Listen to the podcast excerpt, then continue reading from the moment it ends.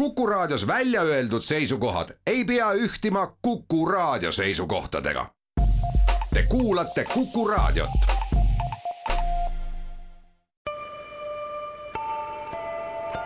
ilmaparandaja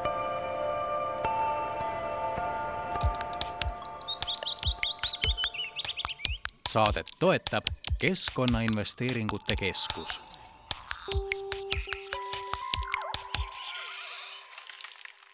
tere, head Kuku raadio kuulajad ja mõnusat laupäeva kõigile. mina olen saatejuht Rein Pärn ja alanud on keskkonnasaade Ilmaparandaja. sügis on vaikselt kohale jõudnud ja maailm hakkab tõmbuma järjest kollasemaks. aga see ei tähenda, et rohelised teemad hakkavad tahaplaanile vajuma. Vastupidi, rohelisi ja äh, põnevaid keskkonnateemasid tuleb järjest juurde ja huvi paljudel nende teemade vastu hoopis kasvab. näiteks pealinnas Tallinn, mis valmistub äh, ju hetkel suure innuga tulevaks aastaks, kui pealinn võtab omale Euroopa rohelise pealinna tiitli ja juba täna on välja kuulutatud kaasava eelarve ideekonkurss siis, äh, millest ka täna pikemalt kõneleme. stuudios on hea meel näha ka külalisi kelleks täna on äh, Tallinna Euroopa rohelise pealinna juht Krista Kampus, tere päevast! tere! ja Õnne Kask, kes on äh, planeerimise ja keskkonnajuhtimise konsultatsiooniettevõtte Hendrikson ja Co äh, ekspert, tere päevast! Tere! et oled küll siin kui tavaline linnakodanik, esindad siin sellist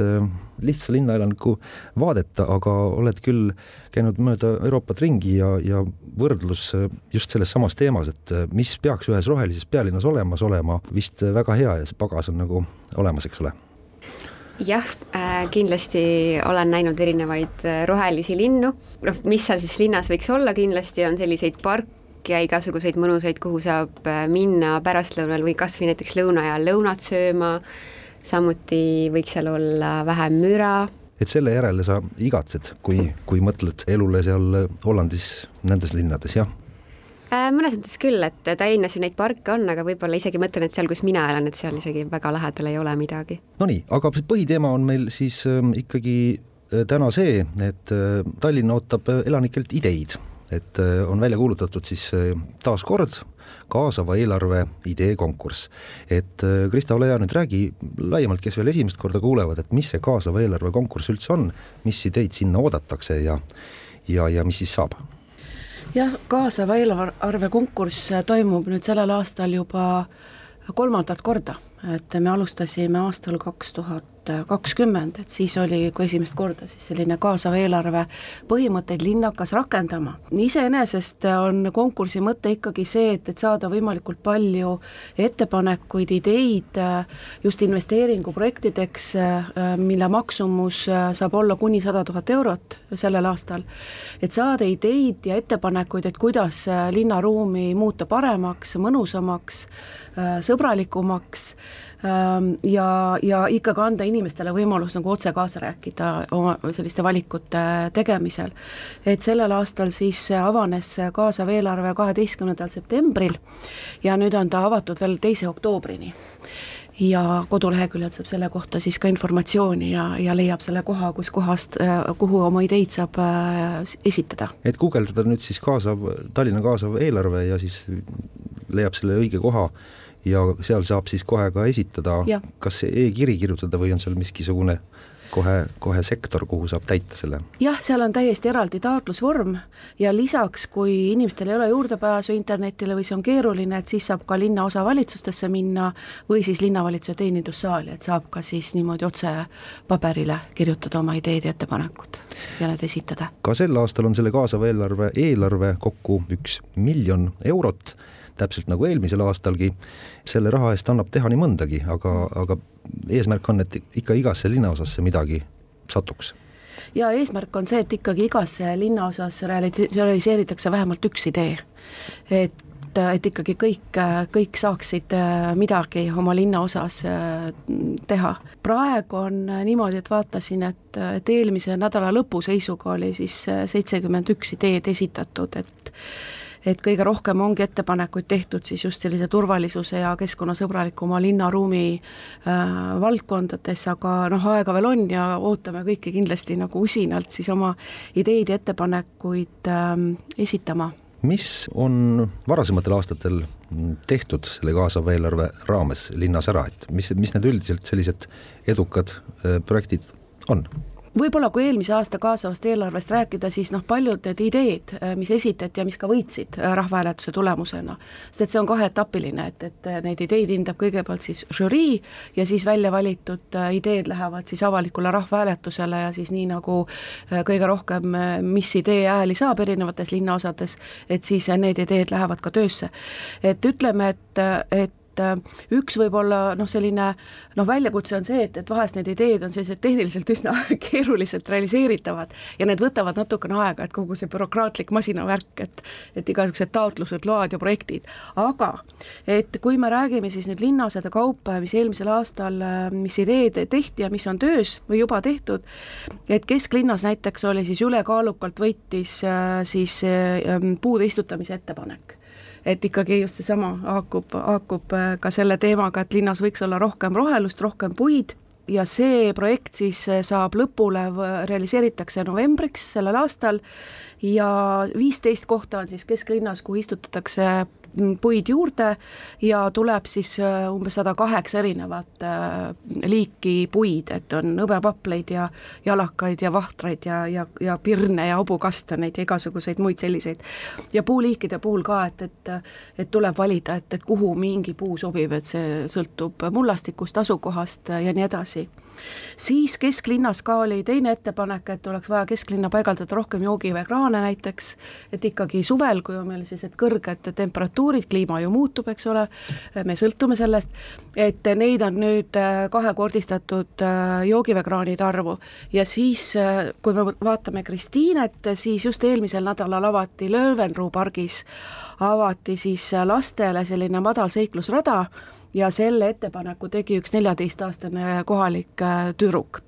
Põhja-Tallinnas on tegemisel, on Kass Augusti allee, see on võtnud äh, oodatust rohkem aega, aga jälle kõikide nende tehniliste dokumentide ja, ja muu sellise bürokraatia tõttu. Äh, Pirita Majandusgümnaasiumi õuele, sinna kooli tuleb siis õuesõppeaed ja, ja selline park, Mustamäele tuleb Sütiste metsa uus välijõusaal Nõmmele tulevad äh, bussipeatuste juurde siis äh, jalgrataste parklad ja rattamajad, Haaberstisse tulevad rannatualetid ja, ja välitušid, et kõik need on kas siis juba nii-öelda lõpufaasil või siis töös ja, ja peaksid valmis selle aasta numbri sees veel. Ahah, kuivõrd oluline on öelda seda, et tuleks see idee võimalikult detailselt ja läbimõeldult ka esitada, et mitte lihtsalt teeme nüüd äh, selle asja sinna, et äh, vaadake ise, kuidas selle püsti panete, et palju see sel konkursil tavaliselt on edu kaasa toonud, kui noh, mõni kirjeldab oma projekti siis väga detailselt ja läbimõeldult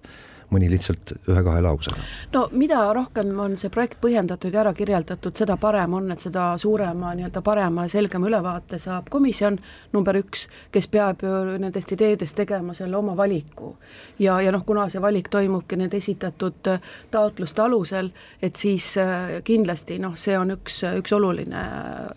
oluline aspekt, et nad oleksid, oleksid nagu üsna, üsna põhjalikult kirjeldatud. teine on kindlasti see, et aga noh, ma arvan, et inimestel on natukene raske hinnata seda, et et, et need on investeeringud, eks, mida me toetame kaasava eelarve kaudu,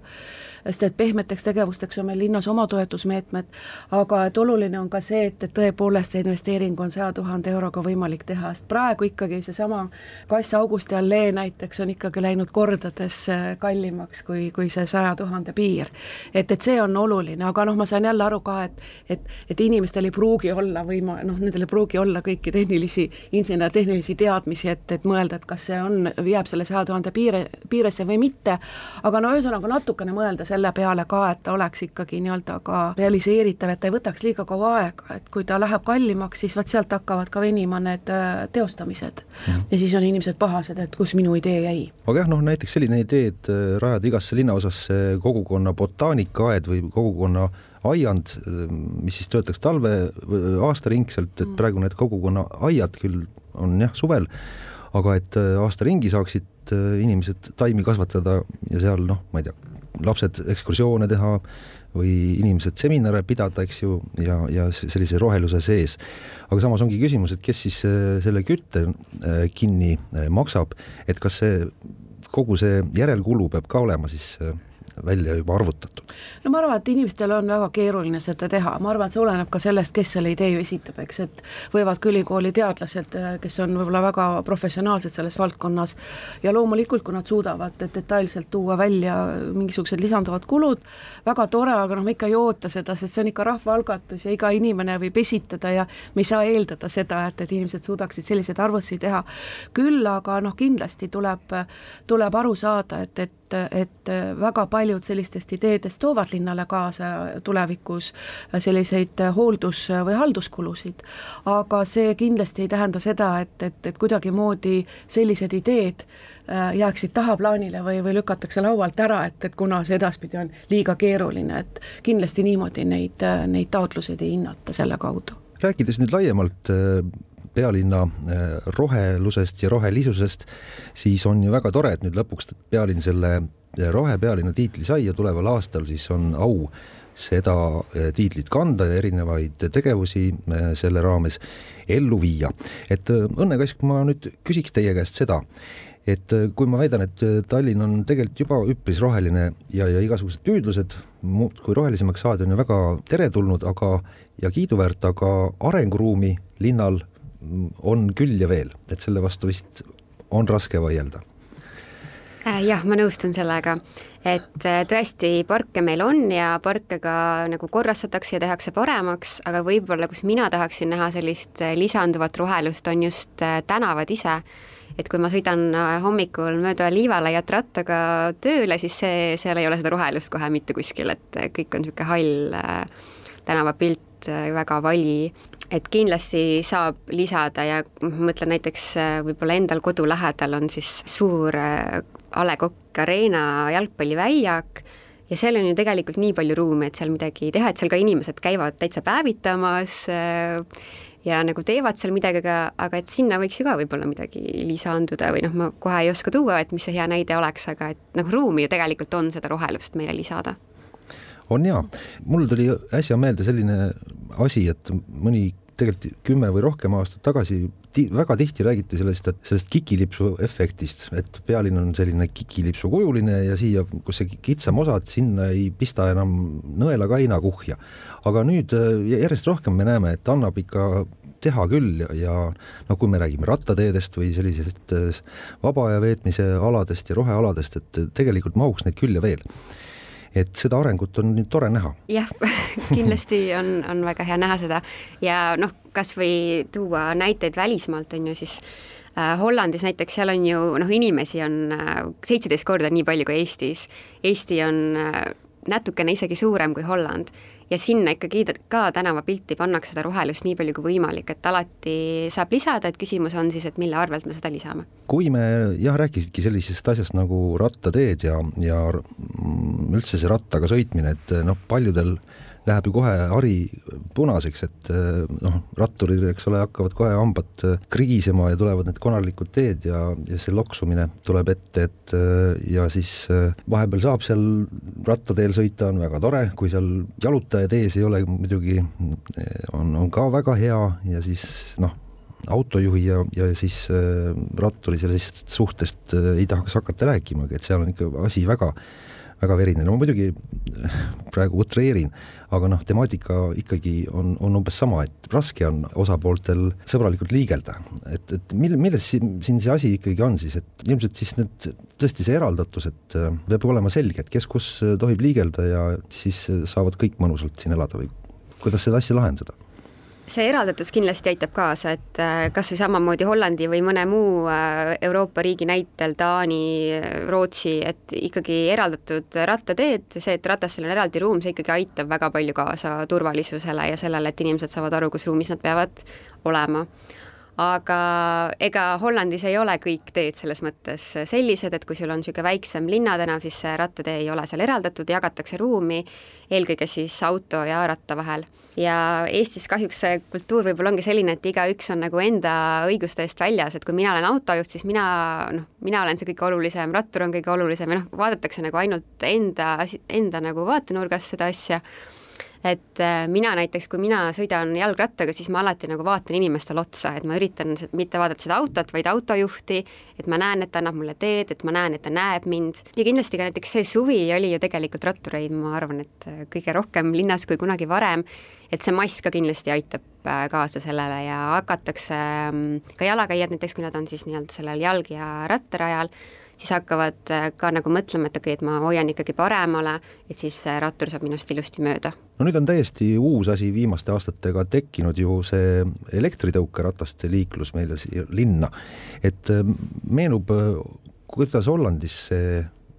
asi on lahendatud, et kas üldse või? Hollandis see ei ole lahendatud või hmm. selles mõttes, et seal ei ole, võib, võib-olla võib öelda, et seal seda probleemi hetkel ei ole, selles mõttes, et elektritõuksid on keelatud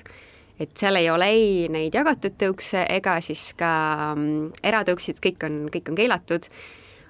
praegusel hetkel oodatakse siis äh, mingisugust Euroopa Liidu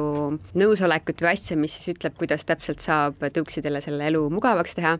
et ähm, noh, mina selles mõttes näen, et okei okay,, tõesti, Holland on väga tihe linn, seal on rattaliiklust äh, väga palju, aga, ja noh, selles mõttes saangi aru, et need ähm, ähm, jagatud tõuksid äh, tõesti vist sinna linnaruumi ei mahu,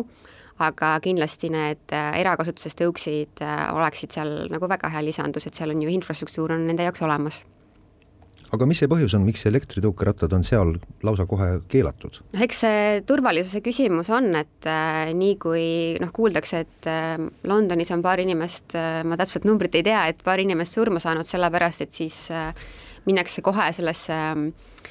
noh, sellisesse positsiooni, et me ei saa ju seda lubada ja samamoodi seal vist kardetakse seda, et need tõuksid võtavad siis ratta üle, et selles mõttes jalgratas on ikkagi ju selles mõttes parem liiklusvahend, et sellega sa ka liigud rohkem ise, see on nagu rohkem füüsiline tegevus et need asutused, kes tegelevad jalgratastega, et nemad võib-olla on kõige suuremad vastased äh, tõuksidele. meil siis selles mõttes on isegi hästi, et äh, on siin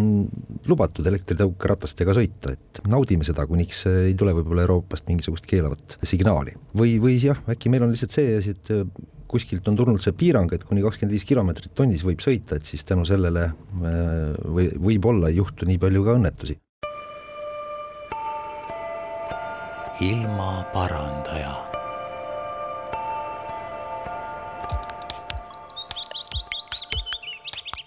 saadet toetab Keskkonnainvesteeringute Keskus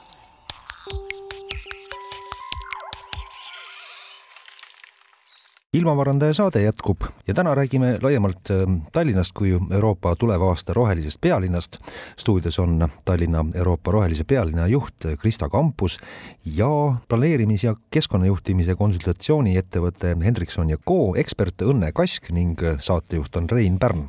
alustasimegi tegelikult ju Euroopa rohepealinna uudisest, eks ole, et kas see programm hakkab kuidagi nüüd paika ka saama, et mis meil siis järgmisel aastal seoses sellega kõike siin pealinnas toimuma hakkab, Krista? jaa, programmi kokkupanemine käib suure hooga ja noh, õigupoolest me olemegi nagu sellises viimases etapis, et, et, et meil on ikkagi põhiprogramm paigas, et et põhimõtteliselt praegu toimub eelarvestamine, et linnas ka järgmise aasta eelarve läbirääkimised käivad, eelarve kokkupanemine on täies hoos, et, et siis koos eelarvega me saame siis ka lõpliku programmi paika. aga ma tahtsin tegelikult hoopistükkis, kui ma võin, Õnne, Õnne ütles, et, et linnas võiks olla rohkem rohelust, et ja rohkem kohti, kus on inimestel kas siis mõnusam aega veeta või et lihtsalt noh, ma olen täiesti nõus, et kliimamuutustega seonduvalt linna rohelus on üks väga-väga oluline asi, see aitab ikkagi linnadel nii-öelda temperatuure nii-öelda allapoole viia, maha jahutada. et see on inimeste tervise seisukohalt äh, samamoodi oluline ja ka kliimamuutustega kohanemise seisukohalt oluline. et tegelikult äh, nüüd, kui me räägime rohelisest pealinnast, aga ka siis kaasavast eelarvest selle aasta omast, siis sellel aastal me tahamegi rohkem just kaasavas eelarves näha ka, ja see on minu üleskutse ka kõikidele, kes kuulavad, et rohkem siis selliseid ideid ja ettepanekuid, mis just toetavadki sellist rohelisemat, mõnusamat, sõbralikumat äh, linnaruumi. ja, ja kindlasti, et kui on äh, mingid kohad, kus on, on näha, et, äh, et liiga vähe on seda rohelust või haljastust, kus võiks mõnusamaks muuta, et vot sellised ettepanekud on ka kõik väga oodatud. nii et et kui teil on selliseid kohti linnas, kus te näete, et te tahate rohkem saada äh, rohelisemat, äh, ma ei tea, mingit piirkondi või tänavat või või, või väljakut, et siis äh, kindlasti need, need ettepanekud on ka väga oodatud. Nüüd, kui tulla tagasi Rohelise pealinna programmi juurde, siis jah, et meil on programm lõpusirgel ja, ja noh, tegelikult meil on nagu kolm sellist äh, noh, suurt, ütleme siis sellist eesmärki äh, rohelise pealinna raames, et noh, tuleb muidugi aru saada, et ega roheline pealinn ega ühe aastaga nagu absoluutselt kogu rohepööret Tallinna linnas ära ei tee. et, et noh, neis nii kõrgeid ootuseid lihtsalt ei ole mõistlik seada mitte kellelgi. et, et linn peab ikka oma sellistest kliima ja, ja keskkonna ja muude eesmärkide elluviimisega tegelema ka siis, kui me ei ole parasjagu Euroopa roheline pealinn aga, aga eesmärkidest on siis, meil on hästi oluline ikkagi seesama linna linna loodus, linna looduskeskkond, linna elurikkuse hoidmine, kaitsmine, juurde tekitamine, et äh, kindlasti nüüdseks on juba kuulnud inimesed ka meie suurest äh, projektist, mille nimi on Putukaväil, mis siis läbib siis peaaegu et tervet linna ja peaaegu et ter-, neliteist kilomeetrit pikk, et sinna on planeeritud ju terve hulk selliseid tolmeldajate nii-öelda piirkondi ja peenraid, meil on valmis saanud just selline taimekatt, kataloog, mida muideks igaüks võib kasutada, see ei ole ainult proffidele, ta on proffidele ka, aga igale inimesele, kes, kes tahab oma koduaeda või, või rõdule või, või, või maja ette mm, teha sellist äh, taime, taimepeenart, et, et selle kataloogi abil on võimalik tegelikult planeerida oma, oma peenart või oma lillekasti niimoodi, et ta võimalikult palju erinevaitele tolmeldajatele sobiks. et, et see on üks selline suur äh, projekt ja ettevõtmine Äh, teine hästi oluline teema ongi seotud sellesama liikuvusega, mis siin ka jutuks tuli et noh, kindlasti Tallinn liikuvuse mõttes just sellise mitmekesise ja kõikidele võimalusi pakkuva liikuvuse mõttes ei ole ju nüüd Euroopa tippude hulgas, eks ole. et me teame seda ka žürii ees, kui me oma seda nii-öelda kaitsesime või noh, soovisime seda tiitlit saada, kuna ma ise olin seal, siis ma võin rääkida sellest, et me täiesti ausalt ütlesime, et see ongi meie probleem, see ongi koht, kus me äh,, meil on vaja kiiremini edasi liikuda ja, ja liikuvus sellega seonduvalt on hästi oluline teema, teema, kindlasti Tallinnas on number üks, on see, et, et muuta see liikumine turvalisemaks, kui me räägime ratastest. ja just ma arvan, meil on ka see, et, et me, meil ei ole ka autojuhid veel harjunud mina käin valdavalt jala, väga harva sõidan autoga ja, ja mulle tundub, et autojuhid ei ole harjunud veel tegelikult vaatama ega nägema jalgratturit võrdsena liikluses. ja sellepärast on hästi oluline muuta jalgrataste liikumine number üks turvalisemaks ma arvan, et sinna turvalisuse hulka käivad ka need, need hullult ja palju kirutud punas, punaseks värvitud rattateed, jah, see tehnoloogia tõenäoliselt sellega me läksime täitsa alt, aga ma arvan, et põhimõttena praegu, et ikkagi need markeerida ära niimoodi, et see on nähtav see on tegelikult, ma arvan, turvalisuse huvides. ja kindlasti on oluline neid jalgrattateid juurde tekitada. aga, aga noh, me ei saa rääkida ainult jalgratturitest, mis on Tallinnas valdavalt või kes on Tallinnas valdavalt ju nooremapoolsed inimesed, et et igasugune liikuvus Tallinnas peab äh, olema parem ka vanade, vanematele inimestele. et see on meie üks väga oluline teema, äh, kogu, kõik küsimused, mis on seotud süsinikuneutraalsusega, äh, sellise keskkonnasõbraliku ühistranspordi arendamisega, uute trammiteede ehitamisega,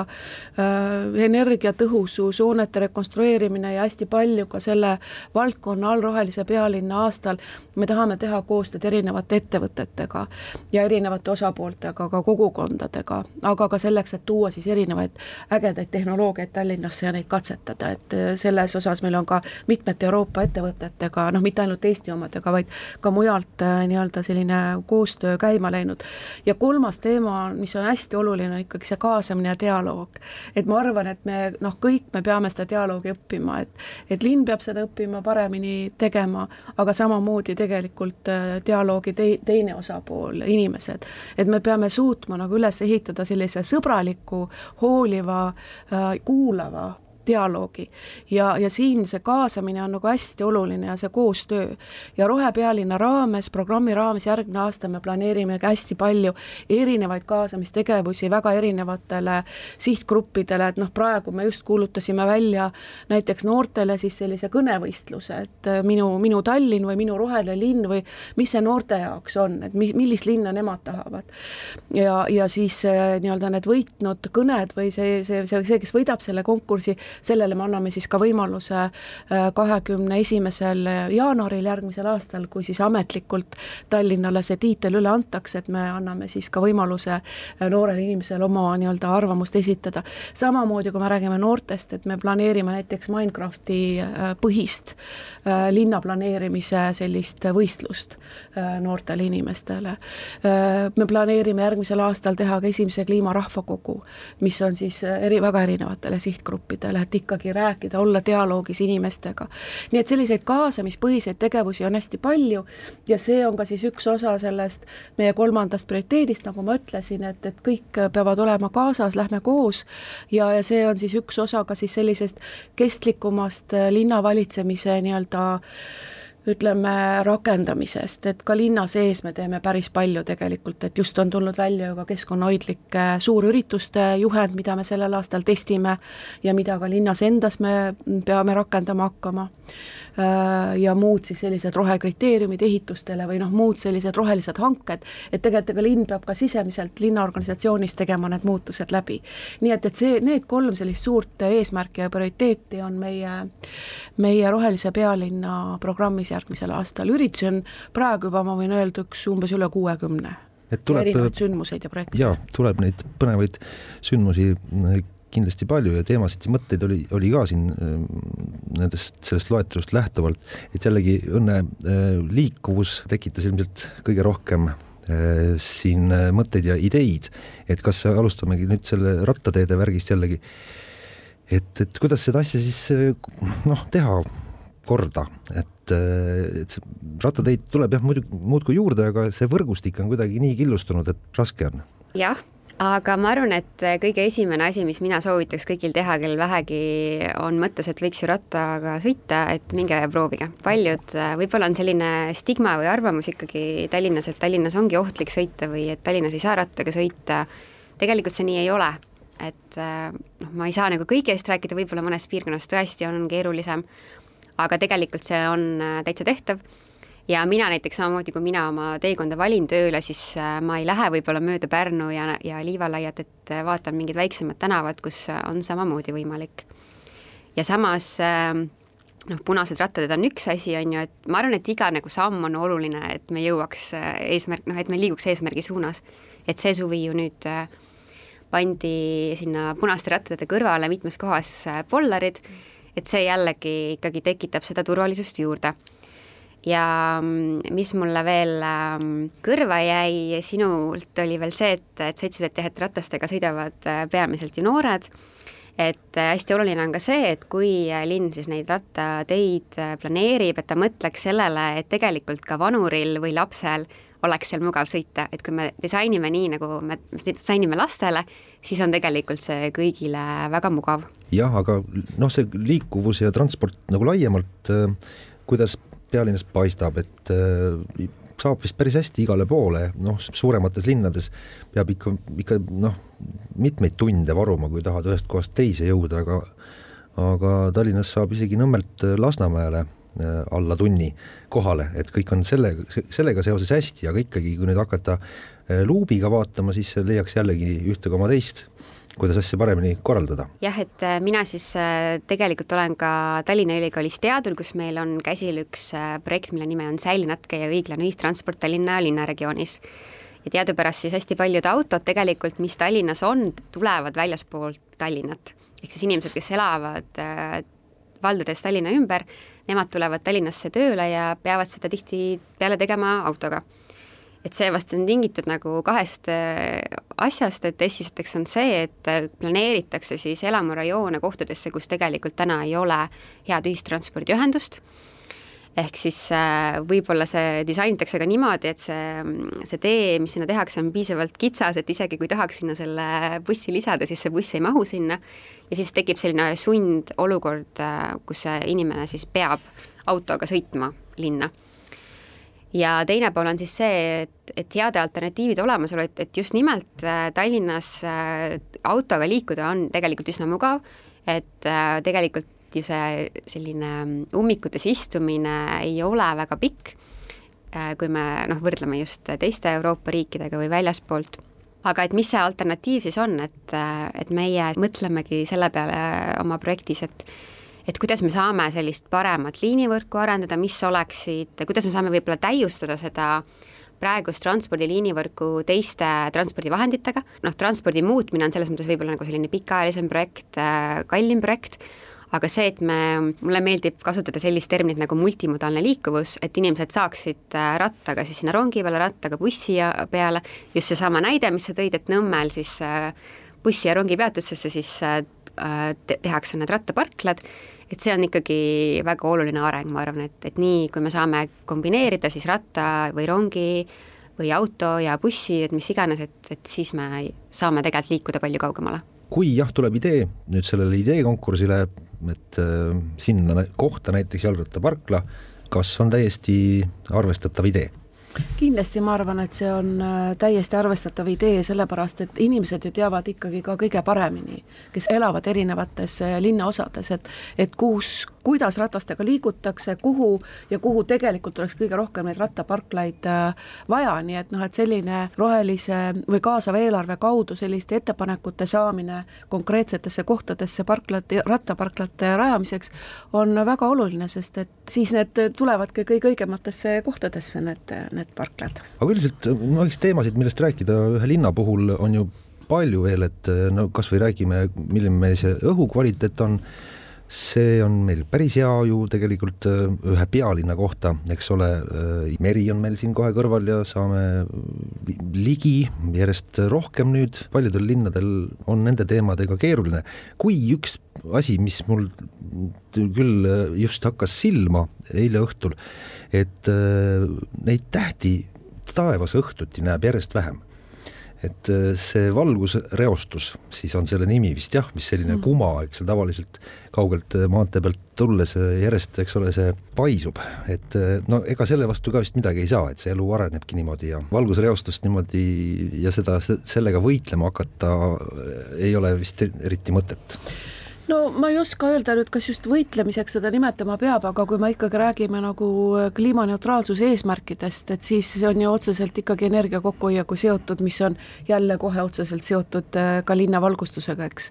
et kindlasti on vaja nagu mõelda, et kas nagu kõik hooned peavad olema valgustatud ja fassaadid näiteks sellisel viisil, nagu nad on, äh, samamoodi on tegelikult ju erinevatel linnatänavatel, noh, see on terve teadus, mina ei ole ekspert, aga aga Tallinn kuulub ühe, ühe sellise organisatsiooni või võrgustiku võrgustikku, kes tegelikult tegeleb kogu siis selle linnavalgustusega, et ka erinevates kohtades kasutatakse erinevat LED-tüüpi valgusteid. et et, et mis siis kas paremini valgustavad välja äh, ma ei tea, jalakäijaid autojuhtide jaoks või lihtsalt jalakäijatele loob parema nii-öelda siis sellise äh, valguse jala liikumiseks, aga noh, tegeletakse ju ka sellega, et need oleksid, need uued linnavalgustid oleksid võimalikult äh, energiatõhusad. nii et noh, kaks asja, et, et energiatõhusus ja teine on ikkagi see, et, et tuleb üle vaadata, et, et kas kõik need kohad, kus meil praegu ütleme, nüüd on, on tänavad või fassaadid valgustatud, et kas absoluutselt igale poole on seda vaja või mitte, et et eh, jah, see üks on valgusreostus kui selline, aga teine on, ma arvan, et see süsinikuneutraalsuse eesmärk, mis on, on tegelikult eh, noh, väga oluline. et jaa, nüüd see pime aeg ju hakkabki kohe pihta, et sügis on nüüd käes, eks ole, ja, ja siis eh, teemaks pigem tuleb just see, et võiks olla õhtused ajad ikkagi no pisut valgemad, et just need fassaadid ja, ja tänavavalgustus ja nii edasi. Ja, ja muidugi ülekäigurajad võiksid olla kõik valgustatud et äh, kõike seda äh, pigem peaks jah, valgemaks minema, et see, et noh, tähti ei näe, et siis tuleb lihtsalt linnast korra välja sõita ja küll seal näeb no vot, ma, ma, kui ma nüüd vahele võin öelda, mina, ma nagu vaidleks vastu, et, et ma, muidugi on pime aeg, et me olemegi sündinud sellisesse, sellisesse maailma mm, nii-öelda piirkonda, kus, kus on pimedus, et me peame harjuma sellega, eks ole. et eriti praegu, kus meil on ikkagi see energiajulgeolek, energiahinnad on noh, tohutult kõrged, et et eks ikkagi tuleb ju valikuid teha, et väga oluline loomulikult on see, et et linn oleks valgustatud nii, et ta on turvaline inimestele, et nad näevad liikuda, nad julgevad linnas pimedal ajal ka, ka, ka liikuda, et autojuhid näevad jalakäijad, jalakäijad autojuhte ja teisi jalakäijaid. et, et see on oluline, aga noh, samas ma arvan, et lihtsalt selleks, et linn oleks valge, et et me peame ikkagi natukene mõtlema, et kuidas me siin kokku hoida, hoida saame Õnne, tahad midagi lisada, kuidas õhtusel ajal on meil linn piisavalt valgustatud või, või kommentaar nüüd selle valgusreostuse kohta laiemalt või oled tähele pannud, et tähti näeb järjest vähem või kuidas Hollandis oli, kas üldse oli näha midagi? ma ei ole nüüd viimasel ajal Tallinnas äh, võib-olla tähti vaadanud, et äh, võib-olla täna õhtul siis peaks äh, proovima. aga mina just mõtlen, et oma teekonnal õhtuti just see, kus ma liigun, et see on küll ära valgustatud ja see on kindlasti nagu väga hea. et ma arvan just, et, et võib-olla sellised ettevõtted ja suurasutused peaksid just nimelt vaatama, et kuidas nema saab, nemad saavad kokku hoida ja poe ju vitriinid just nimelt ei pea olema valgustatud öösel. ma väga tänan äh, Krista Kampus, Tallinna Euroopa rohelise pealinna juht ja Õnne Kask, äh, Hendriksoni Go äh, ekspert, et saite meile stuudiosse tulla ja mis seal siis muud, kena päeva ja, ja mõnusat sügist! aitäh! ilmaparandaja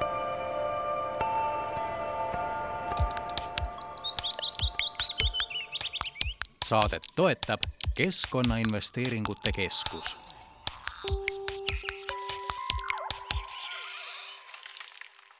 tänase ilmaparandaja saate kolmandas osas läheme külla Tartus asuvasse Maaülikooli loomakliinikusse, kus igapäevaselt ravitakse looduses viga saanud loomi ja linde. kuidas loomakliinikul läheb ja mis on saanud sel suvel palju avalikkuse tähelepanu pälvinud kurepoegade kasvatamisest ja lendu päästmisest, sellest räägime kohe loomakliiniku loomaarst Madis Leivitsaga maaülikooli loomakliiniku loomaarst doktor Madis Leivits, ole hea, räägi, palju aastas teil erinevaid loomi siit kliinikust läbi käib ja, ja milliseid täpsemalt? noh, ma räägin metsloomadest, siis enamasti meil on seal sada kakskümmend viis kuni sada viiskümmend eh, patsienti, need on enamasti kõrge kaitsekategooriaga liigid ja, ja üritame siis neid aidata sedasi, kuidas me suudame ütleme, milline see edukuse protsent siis on, et kui paljud siit äh, tõesti omal jalal ära lähevad? me peame arvestama, et metsloomadel on palju kohastumusi, väikseid nii-öelda trikke, millega nad suudavad looduses hakkama saada. ja, ja, ja tihtipeale leitakse need metsloomad ka sellisel hetkel, kui nad enam ei suuda ennast peita ja põgeneda, ehk siis tegelikult pooled saabunud patsientidest on eh, tihtipeale need, kes lähevad eutanaasiasse, kuna me ei suuda kärbnud tiiba tagasi panna või, või on mingid muud sellised eh, hädad, mida, mida tänane meditsiin ei suuda lahendada. ja siis eh, on ka kindlasti väike osa, kes hukkub, aga kuskil kolmkümmend, nelikümmend protsenti stabiilselt on need, kes tegelikult pääsevad uuele ringile ja, ja, ja eks me oleme neile ka rõngaid pannud ja osadele ka GPS-e eh, peale sidunud eh, ja saavad ka täitsa edukalt eh, hakkama kevad-suvel sai väga palju tähelepanu nüüd teie see toonekurepoegade päästmise projekt, et räägi, kui noh, jah, edukalt see asi siis nüüd kokkuvõttes lõppes ja ja üldse, milline kogemus sealt nüüd kaasa tuli? No kogemused tegelikult, eh, kui me nad eh, toome kliinikusse, natukene aitame siin ja, ja, ja jagame nii-öelda ümber asenduspesadesse, kus, kuhu siis me nii-öelda jõe peal veel või ojakese peal lisasööta vana, vanalindudele pakume, et see toimis nagu väga hästi. Praegu eh, on nad pesadest lahkunud ja, ja, ja, ja üks lind nendest ka pääses või sai GPS-i selga ja tema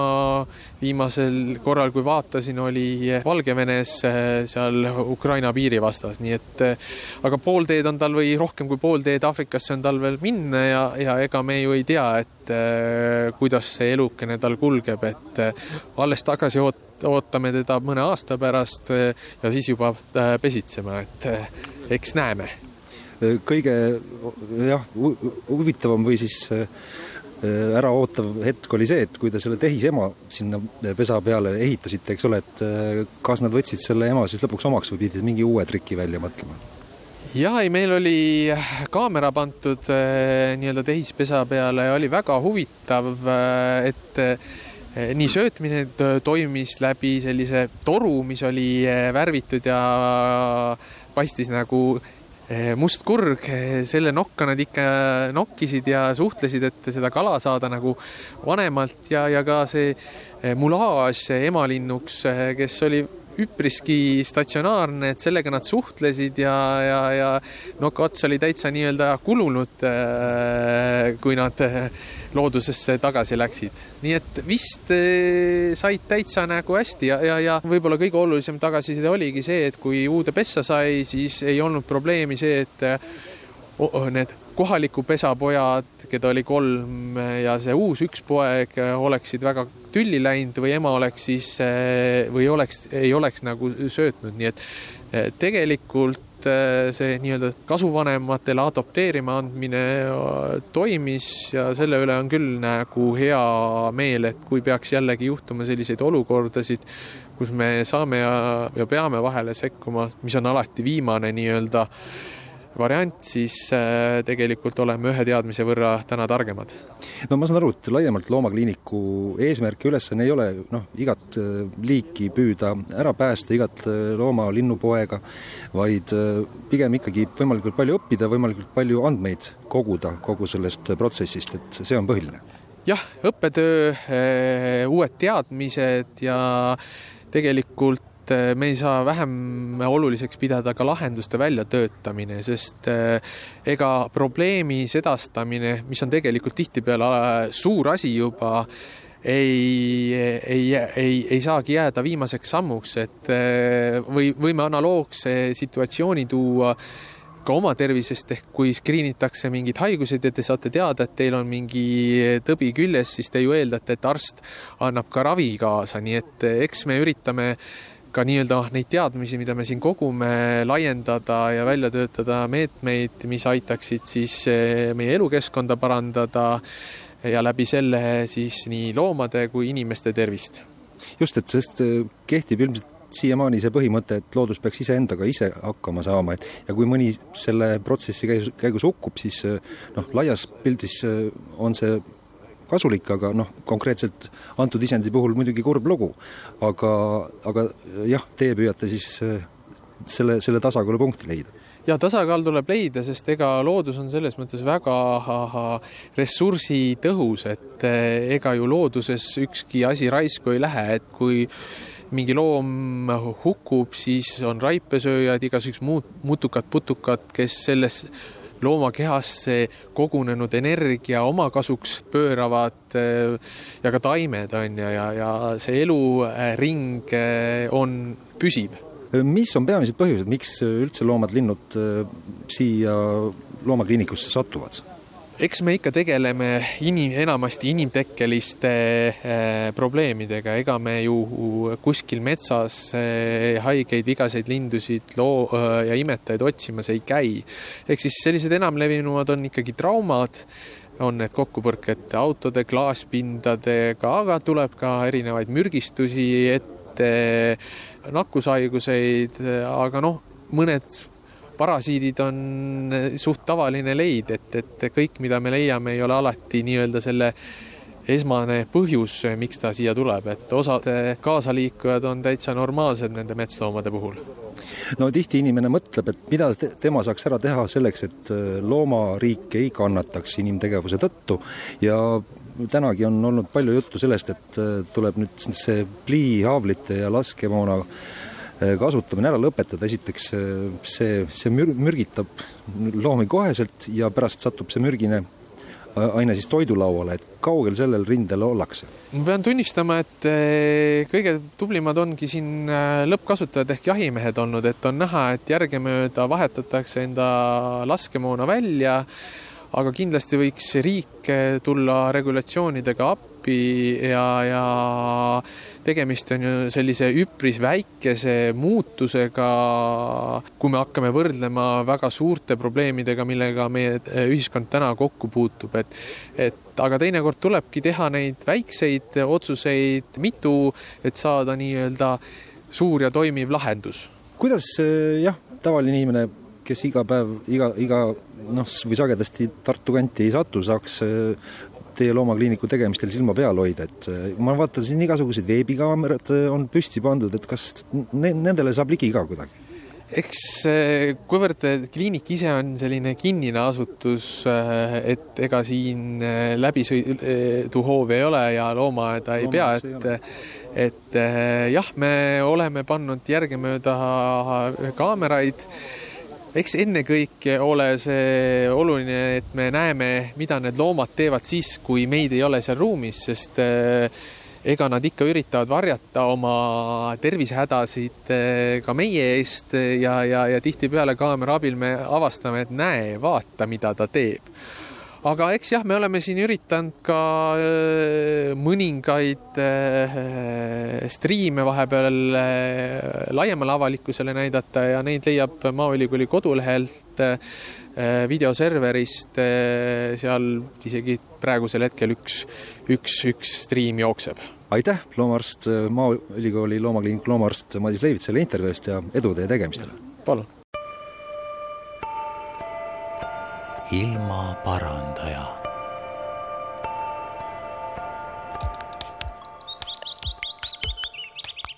saadet toetab Keskkonnainvesteeringute Keskus